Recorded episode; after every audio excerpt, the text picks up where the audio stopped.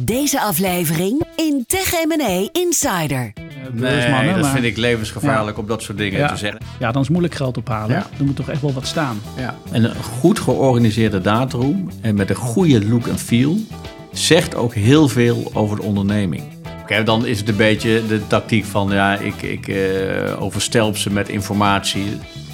En iedereen legt dan een envelopje neer. En dan ga je kijken wie de, de hoogste prijs heeft. En dat wordt het dan. En dat wordt het dan.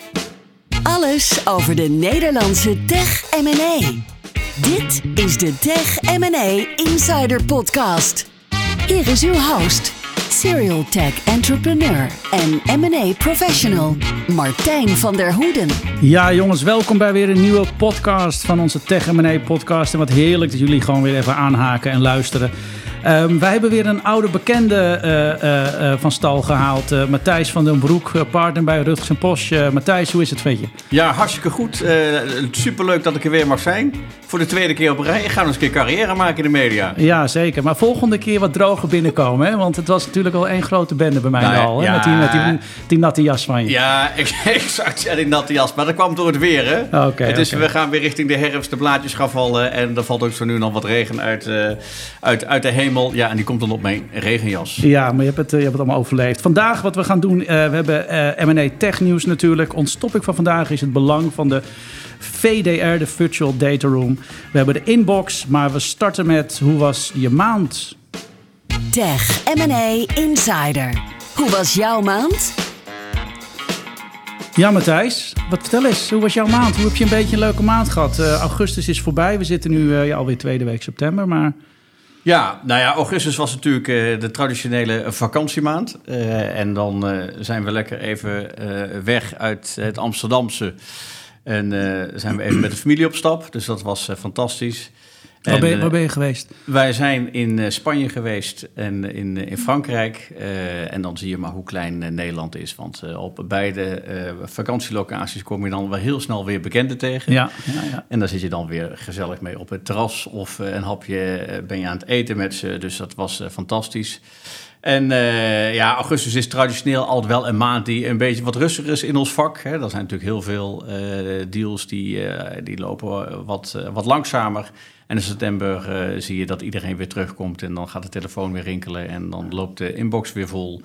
En zijn we nu met eh, weer, hele leuke transacties bezig. Zowel M&A als investeringstransacties en, eh, en nieuwe kapitaalrondes voor snelgroeiende bedrijven. Ja, en, en ehm, is, dan is nu wel de deadline weer, alles moet rond zijn voor de kerst, denk ik, hè? Ja, je kent het hè Martijn, zo werkt het Ja. in ons vak. Nu werken, nu werken we weer richting kerstmis. Dus het is wel grappig dat de timelines nu alweer worden uitgerold, de timetables. En dan zie je, ja, we gaan toch echt voor kerst gaan we signen of closen. En eh, nou ja, goed, dat eh, gaan we dan al wel meemaken. Je moet die timetables natuurlijk altijd mee- een beetje met een korreltje zout Ja, nemen. ja. Maar het is ook Eh, psychisch een beetje, dat mensen voor de kerst het wel achter de hekken willen hebben. Ja, ja, helemaal eens. Je hebt ook wel een timetable nodig, want zonder timetable gebeurt er niks. En dan gaat iedereen achterover zitten. Dus het is wel heel belangrijk om een, ook een beetje ambitieuze timetable te hebben, zodat er vaart zit in het proces. Eh, en dat is eh, natuurlijk ook, eh, ook nodig. Ja, ja, oké. Ehm, en ehm, ja, ik, ik heb, ik heb, ja, ik ben ook weer, ja, het is een beetje hetzelfde verhaal. Ook augustus relatief rustig. En ehm, eh, ja, het heeft ook weinig zin om midden in de zomer in mijn vak allerlei uh, teaser letters uit te gaan sturen als de hele community op vakantie is. Dus dat Ja. doe je ook niet. Dus, dus ja, wat wij hebben gedaan is inderdaad even voorbereid voor weer hele mooie nieuwe exits. Dus we hebben net weer een teaser letter twee weken geleden uitgestuurd met een fantastisch bedrijf. En eh, ja, ik moet zeggen, er is wel enorm veel belangstelling. Dus ik zie wel dat die markt weer erg aantrekt. En dus een beetje de, de, de, ja, de schrik er een beetje uit is eh, van, de, van toch de inflatie en de renteverhogingen, et cetera. Want wij hebben op deze deal die we nu, of deze teaser die we nu hebben uitgestuurd, hebben we ruim eh, 40 IM's moeten versturen. Dus Zo. ik ben alleen maar NDA's aan het tekenen. dus dat is bijna een fulltime job. Dus dat, eh, ja, dat is echt significant meer dan we normaal gesproken Ja, doen. Dus, nou, eh, ja. dus dat is hartstikke mooi. Ja, Ja.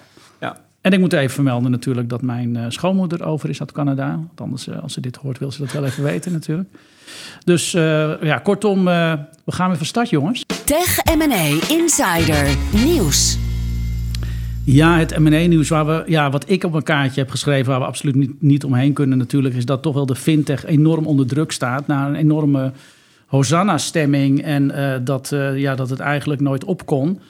Ehm, ja, dan zien we natuurlijk een enorme klap, hè? Ja, dat is, dat is natuurlijk wel. Na jaren van onstuimige groei zie je nu eigenlijk dit soort bedrijven ook wel aanlopen tegen de normale economische wetten.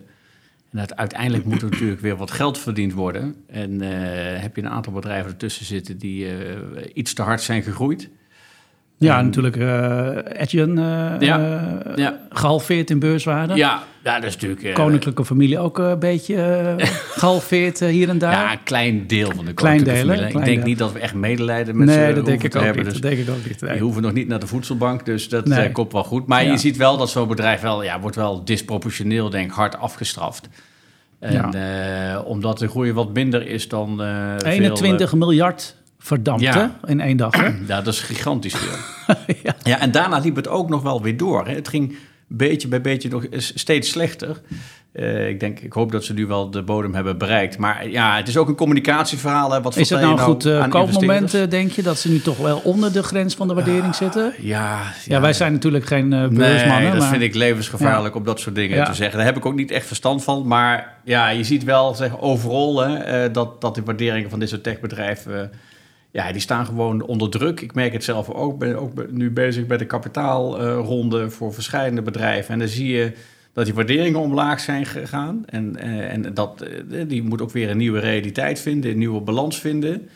De ticket sizes die zijn uh, wat uh, kleiner geworden. Dus normaal had je een bedrag dat werd dan uh, opge opgehaald bij één investeerder. Nu zie je dat je er meerdere nodig hebt. Dus mensen zijn wel wat afwachtender geworden. In M&A ben ik met je eens, is dat anders. Maar echt kapitaalrondes voor bedrijven ja. die nog niet cashflow positief zijn. Die wel een heel mooi idee hebben, maar wat ontwikkeld moet worden.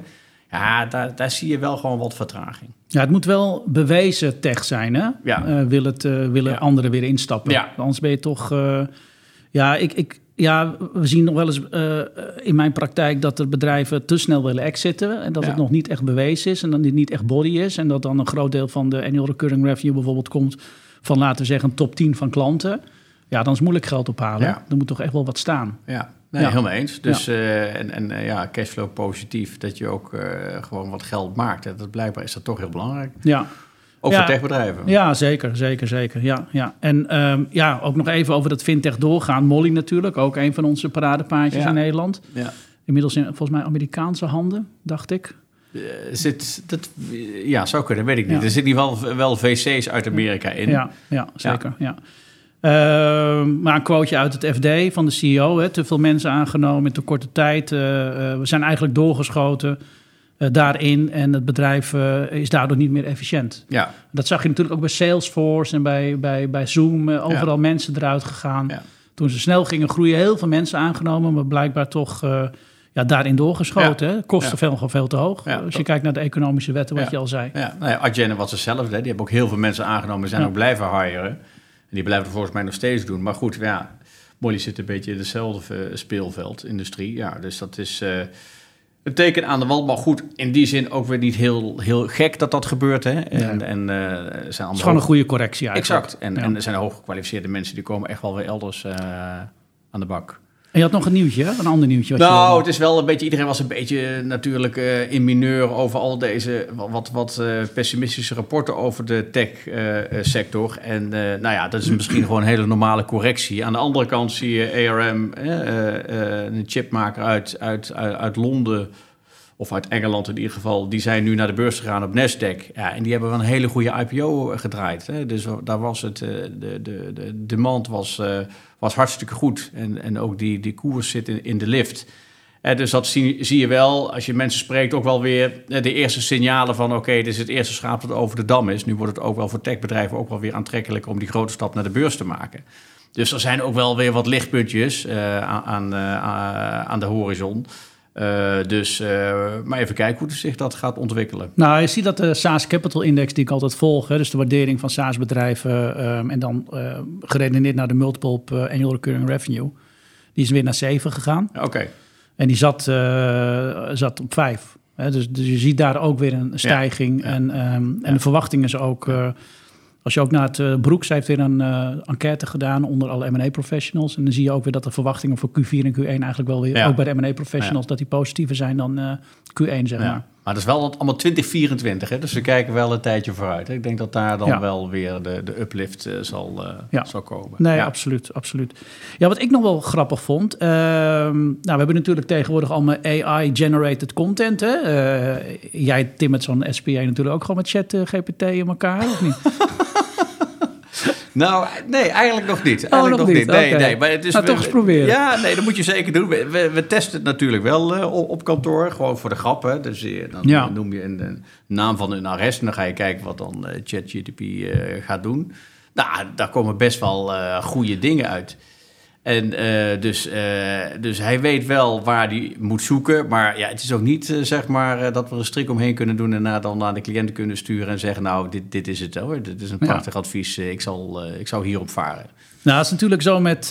ik heb laatst een, een heel, heel seminar over AI gevolgd. En ehm, ja, uiteindelijk genereert natuurlijk AI data op basis van de data die het natuurlijk heeft en kent. Hè? Dus dat is zeg maar gelimiteerd in deze, dit geval vaak al natuurlijk tot, tot, de, tot de bron internet, zullen we maar zeggen. Ja, Ehm, eh, maar je moet in die AI-engines, dat heb ik nooit zo goed gerealiseerd, die moet je trainen om die data te gebruiken. Ja. En je kan dan zelf bepalen eh, op die AI-platformen welke data je daarin zet om ze te trainen.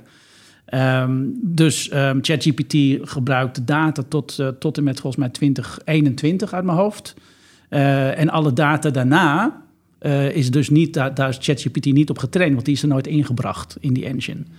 Dus wat, eh, dus wat sommige content creators doen, die, die, zeg maar, die antidateren hun data, zodat ChatGPT het weer meeneemt nee. naar 21. En eh, een ander grappig, grappig verhaal is over AI is dan, dat als je dat dus niet moderate, dan gebeuren er dus vreselijke dingen. Dus je zou kunnen zeggen, je gaat het niet moderaten, dus die AI-engine pakt gewoon de data die het zelf ook genereert. Eh, dat doet ChatGPT bijvoorbeeld niet. Die heeft een moderator, dus zij bepalen wat ze in die AI-engine stoppen om die, eh, om die, om die AI-engine te trainen. Maar Microsoft heeft een experiment uitgevoerd dat ze dat dus niet moderaten met een chatbot. En die chatbot, eh, dus dat wat, wat die chatbot genereerde data, een, antwoord op jouw vraag. En dan de, de antwoorden die jij, dan, of die jij dan weer gaf als medewerker of als, als degene die dat gebruikte. Dat werd ook weer als content gebruikt om die, om die AI-engine en de chatbot te trainen. En uiteindelijk was die AI-bot alleen maar aan het schelden en gekke dingen aan het voorstellen. Van, eh, oh, wil jij met mij een afspraakje, kindje van tien jaar? En dat soort dingen. Nee. Omdat het niet meer gemoderate. Ja, oké. Dan is het een loose cannon. Dan gaat het alle kanten op. Ja, dan is het een loose cannon. Dan gaat het inderdaad eh, eh, alle kanten op, ja. Het is niet creatief. Nee. Op dit moment is het gewoon niet creatief. Nee. Het genereert wat wij erin stoppen. Ja. Maar goed, Google heeft dus geëist dat er een disclaimer komt eh, op eh, eh, AI-generated content. eh, speciaal bij de politieke campagnes in Amerika die er gaan komen. Zodat je als consument weet ja, dat het AI-generated is. Dus dat, dat vind ik wel, ik toch wel frappant dat ja, Google voorloopt op de politieke wetgeving. hè? ja. En dan moet de maker zelf die disclaimer erop zetten. ja, Oké. ja. Nou, ben benieuwd. Ja, ik ben ook benieuwd. En zij kunnen dus checken of het AI-generated is blijkbaar. Want Ja. er komt altijd een soort van label bij. Ja. Ook bij ChatGPT als je niet oppast. Dus uh, nou, we zullen zien hoe dat, uh, hoe nou, dat gaat. Het is niet slecht, denk ik. Nee, het is niet slecht. Wat ik frappant vind is dat Google dus vooruit loopt op de politieke wetgeving erop. Nou, ik denk, en, en, en, en volgens mij doen ze dat dan goed, want dan pakken ze ook uh, zeg maar een stukje maatschappelijke verantwoordelijkheid die ze hebben. Ze zijn zo machtig, hè? Een, een instrument en een search engine als Google en Microsoft. Ja, dat zijn niet voor niks de big techs die nou ook door Europa uh, worden uh, gereguleerd. Die hebben enorm veel macht. Ja. en Twitter of X, hoe het ook mogen heten. Ja, X ja, moeten we nu zeggen. Ja. Moet X moeten we nu zeggen. X, X ja. Ja, ja, exact. Nou, dank voor de correctie. Dus dat is dus, ja, heel goed dat zij zelf die maatschappelijke rol dan pakken... en, en een beetje overgaat tot zelfregulering. Ja, absoluut. Maar aan de andere kant is het wel eng dat de politiek nog steeds zo ver achterloopt erop. Dat ze daar niet op kunnen inspelen. Ja, dat is op heel veel onderwerpen het geval. Ja. Maar dat is een hele andere podcast, uh, Martijn. Ja, nee, absoluut. Moeten we ook zeker een keer gaan doen. Zeker een keer gaan doen. Tech M&A Insider Topic. Ja, als topic uh, van de maand hebben we onze VDR. En uh, we hebben daar nog wel wat dingetjes over. Ik denk dat we er best wel wat mooie content over kunnen creëren met elkaar, Matthijs. Want dat zeker. is nog wel een ding. Uh, Matthijs, VDR, wat staat het eigenlijk voor? Waar staat die term voor? Laten ja, we eens mee beginnen. Nou, dat staat voor Virtual Data Room. Uh, ja. En dat is eigenlijk uh, ja, een verzamelplek in de cloud meestal... waar informatie van de target venderschap wordt geüpload... En waar eh, de koper dan eh, onderzoek eh, naar gaat doen. Ja. Eh, dus dat is in, in essentie de VDR. En hoe ging dat? Hoe ging dat? ehm, eh, zeg maar, ja, Vroeger. ja, durf het bijna niet te vragen. Ja, Dan vraag je wel wat van jezelf Nee, nee, natuurlijk. nee, maar goed, zeker toen ik nog, eh, toen ik begon als advocaat eh, in de, nou ja, dat was eh tweede helft van de jaren negentig.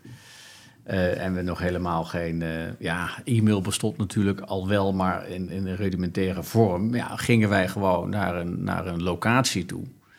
En daar was dan een, eh, ja, een dataroom ingericht. En Een- echt een kamer, zeg Gewoon maar. echt een kamer. Met ordners en zo. En heel veel ordners. En dat was meestal een kamer waar geen daglicht eh, kwam. En dan zat iedereen met zijn notitieboekje of met een, eh, met een, met een recorder. En ja, dan pakte je een, een, een, een, een ordner en dan ging je gewoon er doorheen bladeren. En dan ging je kijken wat dan belangrijk was. En dan maakte je dan een samenvatting van. En eh, dat vormde dan uiteindelijk het eh, due diligence rapport. En dat deed de accountant, dat deed Dat deed de accountant, dat ja. deed de legal adviseur, dat deden Ja, alle partijen. Ja, en dat waren meestal ook net de kleine kamers. Hè. Je weet een beetje hoe, hoe, hoe dat, dat is. En daar kwamen dan heel veel adviseurs. Of ook eh, mensen van de, de koper zelf. Ja, dan zat je een beetje hutje-mutje, zat je dan in zo'n kamer. Moest je dan stiekem naar binnen bij zo'n bedrijf? Want het, heel vaak is het natuurlijk eh, Nou, onder de radar. Ja, dat klopt. Nou, heel veel advocaatkantoren hebben dat dan ook gefaciliteerd. En, en, en, en later gingen we ook naar de Regis, weet je. Dat was, er werd er gewoon een, een, een kamer gehuurd. Ergens op een eh, desolaat industrieterrein. En daar zat je dan. ja, je moest eigenlijk je eigen thermoskantje koffie meenemen. Want als je echt pech had, dan was er helemaal niemand. Dus iedereen bracht dan, of de, de, de, de, de verkopende partij bracht hele paar batterijen Ja. met informatie naar die, Ja. naar die echte kamer. Ja. En daar kwamen dan partijen. Ja. Ja, dat was, dat, ja maar dat is natuurlijk dat is wel, dat is al heel lang geleden. Dat is natuurlijk nou, nu niet meer. Nee. Eh, het is Want nu wanneer is, die, wanneer is die virtual date room zo geïntroduceerd, denk je? Eh, dat weet jij misschien nog wel beter dan ik. Dat is denk ik wel tien jaar geleden toch? Ja, Al dat 10, hoop ik 15 wel, jaar ja. geleden dat Ja. we daarmee zijn begonnen. En eh, dat werkt eigenlijk gewoon fantastisch. Hè? En dat is ook steeds meer geprofessionaliseerd, hè, die datarooms. Waar Ja. het eerst bij wijze van spreken gewoon een fileshare was, heb je nu professionele applicaties eh, die dat faciliteren. Ja. ja, als je daarop gaat googelen, dan kun je alle applicaties vinden. ja, Maar, eh, en dan betaal je een abonnement en dan eh, Ja. kan, je, kan je dat gaan inrichten. ja. zeg maar. en dat is ook wel heel belangrijk dat dat gewoon allemaal goed in elkaar zit. Kijk zo, want de- je moet eigenlijk één stapje terug doen. Hè? Je hebt een VDR, een virtual data room, maar waarom ga je dat dan in hemelsnaam eh, inrichten? Ja. Hè, dat heeft natuurlijk alles mee te maken dat een koper uiteindelijk ook wil zien... ja, wat ga ik dan kopen? Wat voor onderneming ga ik kopen? Ja, en zeker in tech is het nooit echt eh touch, touchbaar. Hè? Het is niet, het is niet een machinepark eh, met, de, Nee. met de fabriek. Dus, nee, het is, nee. dus dat blijkt... eh, en, en, en, en, en, en waarom doe je dat inderdaad? Waarom richt je zo'n ja. dataroom Dus dan is eigenlijk, eh, het heeft te maken met het feit dat de koper weet, kijk, ik heb nou een prachtig IM van jou bijvoorbeeld gekregen. Dan wordt er een prachtig beschreven wat de onderneming doet, wat een softwarebedrijf doet, wat een technologiebedrijf doet. eh, waar het zijn geld mee verdient, maar dat wil je dan wel gevalideerd hebben. Ja. Dus dan vervolgens ga je dan vragen, oké, laat dan maar even je jaarrekeningen zien of je interne rapportages. Laat dan maar zien inderdaad je contracten hebt met X, Y en Z.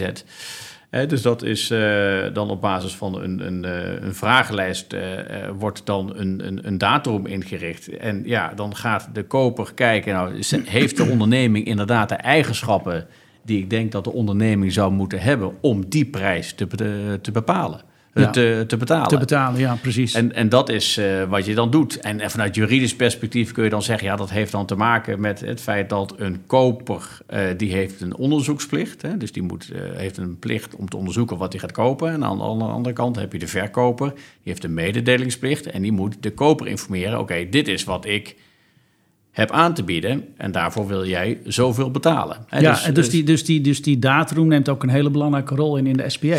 Daar Eh, wordt, uit- daar, daar ja. wordt, daar wordt naar verwezen. Ja, ja, uiteindelijk heeft het eigenlijk een hele centrale rol. Het is eigenlijk ook, vind ik, dat een due diligence, als je, zeker als je voor koper optreedt, is het, is het meest eh, waardevolle stukje eigenlijk van een overnametraject. Omdat dat nou eenmaal moet valideren de prijs die jij bereid bent om te betalen. Dat En klopt daar moet je, exact, daar, daar moet je de comfort krijgen. Nou, dit is een waanzinnig mooi bedrijf.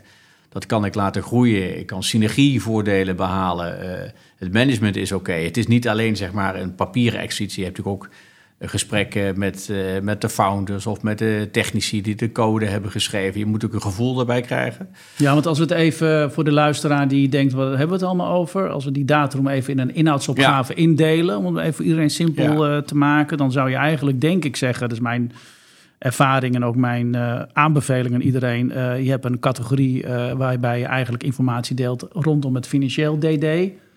Dan heb je een categorie rondom het legal DD. Ja. Categorie tax DD. En een categorie technology DD. Hè? Dat zijn eigenlijk de, de, ja, toch wel de vier topics waar het meestal om gaat. Toch? Ja, zeker. En, dan, en, en, en natuurlijk financieel en tax en juridisch. Hè, dat kun je tot op zekere hoogte kun je dat gewoon administratief afdoen. Hè. Dat is gewoon door middel van het uploaden van, van, van, van documenten. Voor technology DD, ja, dat weet je natuurlijk nog veel beter dan ik, is dat natuurlijk alweer wat ingewikkelder. En je Ja. hebt tegenwoordig ook eh, commercial DD, hè, de, dat wordt gedaan. Dan, gaan, dan willen kopers eigenlijk gewoon ook met je klanten praten. Van oké, waar zit dan, hoe heb je dat proces nou ingestoken? Eh, eh, hoe ziet het salesproces eruit? Hoe kom je aan je klanten? Echt op die manier nog verder de- erin duiken. IT, due diligence is tegenwoordig ook al hot. Hè? Waar, ja, waar, waar, is jouw platform op gebouwd? Eh, eh, ja, wat- dat wat- noem ik dan TechDD. ja, TechDD, maar Ja. je hebt ook nog TechDD echt naar de software die je hebt, hebt gemaakt. Ja. Hè? Dus naar de nullen en de ene. Eh, dus dat zijn allemaal hele belangrijke elementen van due diligence. Ja, en technology DD, dat vindt dan meestal niet plaats echt in de VD VDR, maar in weer een aparte omgeving. Ja, wat ik, dat klopt wel, deels. Maar wat natuurlijk wel wat gebeurt als je een techbedrijf bent... dat je eh, als koper wil weten... wat is de ontwikkelmethodiek? Gebruik je Scrum? Heb je een Ja. Scrum Master? Heb je gecertificeerde mensen? Wat is het technology platform wat Ja. eronder zit inderdaad? Hoe zit je database in elkaar? Gebruik je, eh, wat voor database gebruik je? Is dat een, iets een beetje state of the art? Of is dat iets wat op oude meuk draait? Waar wordt het gehost? Wat is de architectuur van het hele platform? Ja. Dus mijn cliënten adviseer ik ook wel om, zeker de techmannen, de- om daar ook wel een categorie en een directorytje voor aan te maken in de dataroom en al die informatie daar eh, eh, Ja. te delen Ja. die je rondom dat topic inderdaad hebt. Maar daarnaast wil, wil, wil een koper ook vaak, en soms, het scheelt ook, sommige kopers zeggen echt, ik wil echt in de code gaan kijken. Alhoewel, ja, even snel in de code kijken, kom je ook niet eh, veel verder. Maar echte grotere professionele kopers, die hebben ook een tech-DD-partij...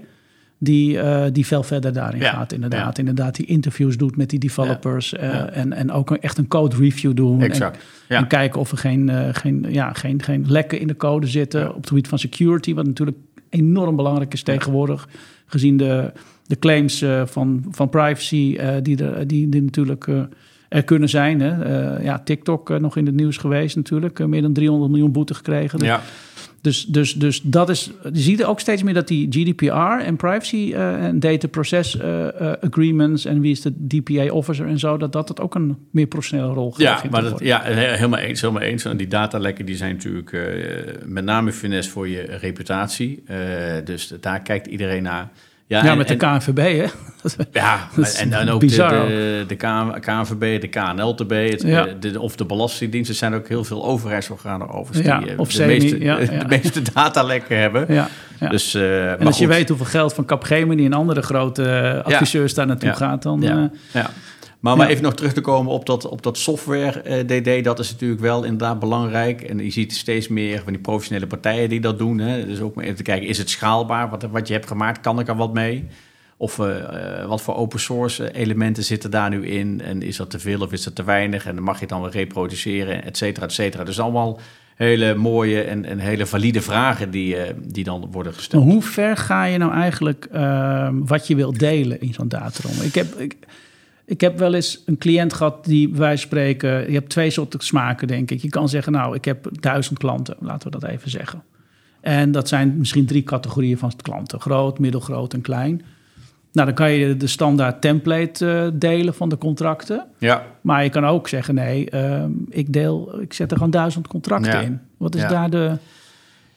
Ja, Hoe zie jij dat? Ja, dat Wat laatste heeft, jij daarin? ja, is, heeft natuurlijk niet zoveel zin. Kijk, het heeft ook te maken met het de, de, proces eh, eh, dat je loopt. Eh, want je kan ook zeg maar, die, die, die, de hoeveelheid documenten een beetje uitsmeren over de tijd. Als je, als je bijvoorbeeld echt een, een hold auction hebt, hè, waar meerdere bieders op één target gaan bieden. En er zitten ook bijvoorbeeld ook concurrenten bij, of strategische partijen. Dan kan ik me zo voorstellen dat je niet in, in eerste instantie al jouw mooie eh, contracten met, met prijzen en volumes eh, gewoon zomaar uh, in de datum wil, wil, wil, wil zetten. Zodat iedere concurrent kan zien hoe, hoe, hoe jij tot een prachtige offerte bent gekomen voor een hele mooie klant. Of wat voor voorwaarden Zeker als het echt een concurrent van je is. Ja, dan, dan doe je dat niet. Hè? Dus dan probeer je dat een beetje te faseren. En dan, ja, dan ook kun, je dat, uh, kun je die informatie ook weer redacten. Maar dan kun je gewoon zeg maar de, de, de basisinformatie. Wat zijn nou die juridische voorwaarden waaronder je contracteert. Daar zitten meestal niet hele spannende dingen in. En meestal probeer je dan ja, te volstaan met standaard contracten. Het heeft geen zin om duizend contracten of honderden contracten te uploaden als die allemaal een beetje hetzelfde zijn. Nou, ik, ik heb met mijn eigen exit toen meegemaakt, al heel lang geleden inmiddels. Um, nou ja, zo lang is ook weer niet, maar goed. Um, het voelt lang. Um, maar ik heb mijn eigen exit meegemaakt. We waren heel thorough waren in de, in de contracten. Dus wij alle contracten erin zetten. Maar er waren ook heel veel klanten.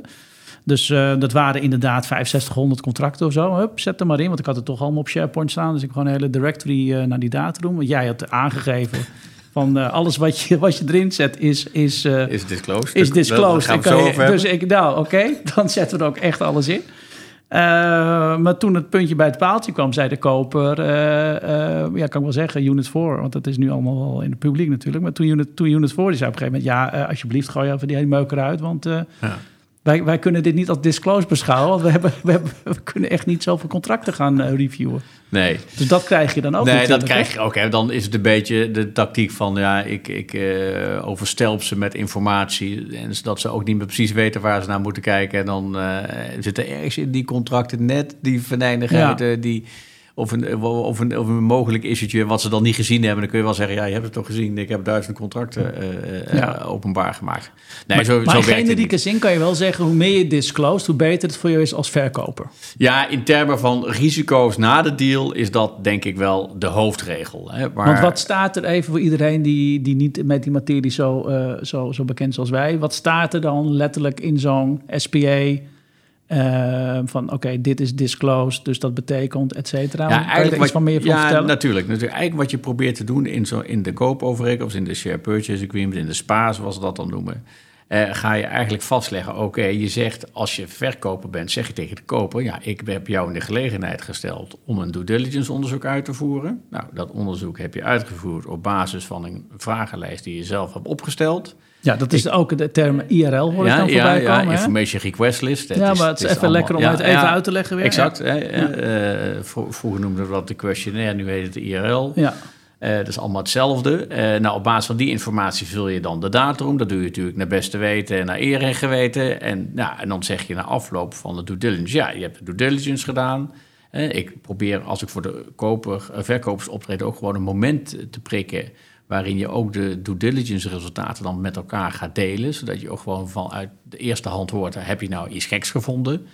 Uh, want daar moet dan wat mee. Nou, als niks geks is gevonden, kan ook de, vervolgens de, de, de koper ook verklaren dat hij zijn due diligence heeft afgerond. Ja. En als sluitstuk zeggen we dan, ja, ik heb, geef natuurlijk ook garanties, hè, dat, uh, hoe mijn onderneming ervoor, uh, ervoor staat en wat de eigenschappen daarvan zijn. En dan zeg je wel, ja, die garanties die geef ik natuurlijk, maar die zijn wel gekwalificeerd op basis van de informatie die jij gezien hebt in de dataroom. Ja. En want als daaruit bijvoorbeeld blijkt dat er een arbeidsconflict is geweest... en ik garandeer dat er geen conflicten met of een conflict met een klant. Uh, of een conflict en, met een klant. En je hebt het geshared, gedeeld in de ja, dataroom. Exact. Dan hoef ik dan jou niet meer te wijzen op het feit... Dat dat zo is. Dat het zo is, want dat heb jij gezien in de dataroom. Daar zat gewoon een document of een memo. Dus als een, een, koper dan heel concreet zes maanden later zeg maar... potverdorie uh, Matthijs, uh, ja. ik heb nu een claim aan mijn broek ja. hangen. Hoe kan dat? En dan zeg je, hallo, uh, dat hadden we geshared in de dataroom. Exact. Ja. Toedeloe, veel succes ermee. Ja, en dan gaat het natuurlijk wel erop op wat voor manier is dat dan geopenbaard of gedisclosed. Niet in font 5.5 exact. in, in, in, in, de, bijlage, in de footer van een Word-document. Ja, bijlage 5, annex 10, heel klein inderdaad weggeschreven. We hebben ook nog, we hebben ook nog een claim van een miljoen aan ons. Ja, exact. Nee, dat moet dan wel. Dat is dan de discussie die we dan ja. met de juristen voeren van in hoeverre moet dat dan, op wat voor manier moet dan dat zijn disclosed? Ja, want is dat ook vaak toch dat het uh, na, na, na alle re normale reden, et cetera, disclosed wordt beschouwd. Hè? Dat wordt er zo'n term en daar ja. weet ik dat jij er ook vaak allerlei discussies over hebt. Wat bullshit, dit moet eruit, want... Uh, Ja. Je hebt gewoon naar gekeken, maar Ja. dan probeert te kopen nog vaak daar nog een, Ja, een, soort van kijk, escape-termpje Ja, in te en- zetten. hè? En, als je dan de pet van de koper opzet, is dat natuurlijk ook niet helemaal gek. Hè? Want die koper, kijk, jij, jij doet die processen natuurlijk zelf eh, heel succesvol. En dan, eh, je vraagt eigenlijk best veel van de koper. Want ze krijgen een prachtig IM. Dan wordt Ja, dat ziet er altijd top om- uit, Dat dus ziet er al top uit. Dat kan, ik, eh, dat eh, kan ik onderschrijven. Nou, dan moeten ze, moeten ze een, een non-binding offer doen. Ja. Vervolgens hebben ze eigenlijk relatief weinig tijd om echt kennis te maken met een, met een, eh, met een partij. Eh, met, eh, eh, met de target gaan ze due diligence doen. Nou, drie, vier weken max. En dan moeten ze al een besluit nemen. Ik ga dit doen. Ik ga Ja. deze onderneming kopen. Ja. Dus ze mogen natuurlijk ook wel vertrouwen dat de informatie die ter beschikking is gesteld ook juist is en volledig is. Nee, dat is ook zo natuurlijk. Eh, dus ja. dat, het, het, het, het, het mes snijdt natuurlijk wel aan, aan, aan, aan twee kanten. Dus die willen dan zeggen, ja, je kunt wel alles in die datum gooien. Maar dan moet ik ook wel met de basis, eh, met de informatie die ik dan heb... en met adviseurs die ik heb ingeschakeld... wel uit die, dat document waar het al staat... wel kunnen afleiden dat het ook wel iets materieels is. Hè? Ja. Het moet niet helemaal een beetje bedekt zijn opgeschreven. Want jij kunt natuurlijk als verkoper... de ondernemer natuurlijk vele malen beter dan de koper. Ja, nee, dat is ook zo. Dus dat is het spel Maar een goed, beetje dat Ook hier doet eerlijkheid duurt het langst hier. En Zeker. komt er alleen maar ge, ge- gezeik van, om het Ja. even heel simpel te zeggen. Ja. Dat wil niemand toch. Dus dat, Nee. eh, Nee. wat dat betreft heeft het helemaal geen zin om, eh, om het te sugarcoaten als er toch wat aan de hand is. Nee, En ook als er tijdens dat proces wat gebeurt, dat hebben we ook wel eens meegemaakt, dat er toch een klachtenbrief komt van een klant of een medewerker eh, die begint met een MeToo'tje aan de, aan de haal te gaan, eh, wat natuurlijk ook gebeurt. En eh, dan is het ook het beste, denk ik, om dat ook maar meteen te delen. zeker. En als het ook Ja. een e-mail of iets is, meteen Ja. weer in die dataroom te zetten. Ja. Ook al is het DD gaande. Hè? Ja, zeker. Het wordt ook een proces. Hè. Je kunt die da- datum gewoon eh, eh, bijvullen. Want het is ook een levend organisme, een onderneming. Dus er gebe- gebeuren gewoon dingen. Dus dan is het ook helemaal niet gek om dat dan... eh, Ja, en een goede dataroom software heb je track and trace. Dus kan Ja. iedereen ook achteraf zien wat er gebeurd Ja. is in die Ja, dataroom. maar misschien nog wel één tip, vind ik altijd, is dat die... Ja, het, het is natuurlijk geen leuk werk, hè? Laat, ik, laat ik dat voor opstellen. Het is vreselijk. Zeker niet voor de verkopers, hè? Maar die moeten eigenlijk Nou, wat ik altijd met mijn cliënten doe, ik, ik, ik, tijdens ons eh, stappenplan, wat we om een bedrijf verkoop klaar te maken, wat ik dan vaak doe, is ook die dataroom al klaarzetten. Ik wacht dus nooit op de IRL. Dus ik zet eigenlijk al op het gebied van die vier topics, hè, financial, legal, tax en tech, zet ik gewoon de dataroom klaar van dingen waarvan we toch wel weten dat die gevraagd Ja, worden. nou, dat, dat is buitengewoon slim. En, Ja. en, en, eh, Anders wordt het ook zo'n stressmoment. Iedere keer weer, moet je weer dingen Ja. doen, weer dingen doen. Ja. Dus bij ons is het Ja. meer van af, afvinken. Is, is, is, is die IRL, staat het erin? En dan Ja. gewoon mapjes erachter Ja. zetten. In plaats van Ja. dat we... En een goed georganiseerde datroom en met een goede look en feel zegt ook heel veel over de onderneming. En, eh, want als dat gewoon goed geordend is en, en, en in een mapje, ik noem maar wat, eh, eh, notulen zitten ook alleen maar de notulen. Er zitten niet hele gekke andere dingen. Dat zegt ook iets over de kwaliteit, Nu opeens een paar vakantiefoto's erbij.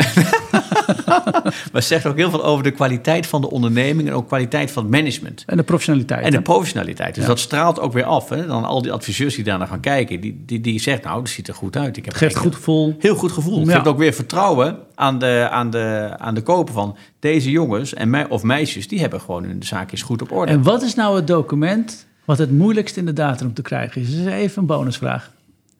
Het document dat het moeilijkst inderdaad... Dat, men, dat aandeelhouders, dat wel heb je al op weg, bijna nooit weten te vinden. Nou, dat is het aanloudsregister. Ja! Ik ga door voor Het de is ook niet het meest belangrijke document, maar dat is inderdaad, we hadden het laatst ook weer natuurlijk. Ja, hè, het is dan, altijd hetzelfde gedoe, twee voor twaalf worden we dan weer gebeld. En dan, ja, waar is dat aanloudsregister? Ja, ik heb het ooit gekregen, maar waar ik het Maar neergelegd dat heb- notariaat loopt ook eh, eh, belachelijk achter. Hè? Dat is nog een fysiek document met Ja, echte handtekening ja, en dat ja, ligt ergens ja, in een kluis. Nou, maar die maken ook wel stappen. Hè. Straks kunnen we elektronisch een nieuwe BV oprichten. Dus daar Ja. worden stappen gezet. Maar, het aandeelhoudersregister Ja, is nog steeds een boekje. is nog steeds een boekje. En dan moet je nog steeds ergens vandaan zien te vinden. Zeker weten. Ja, Ja, dat is echt, echt bizar. Echt bizar.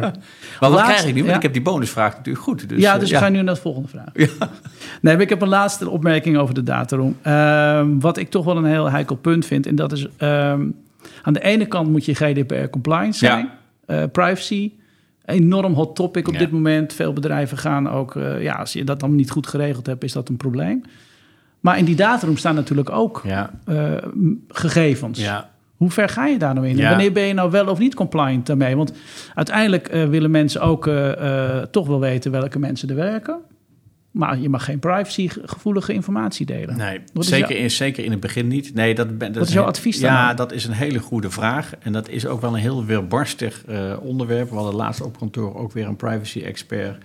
die nog even ons kwam eh, vertellen over wat nou de regels zijn. Eh, en het zijn natuurlijk allemaal containerbegrippen, hele open begrippen die zijn gedefinieerd. Dus de praktijk moet ook nog wel zijn weg daarin vinden.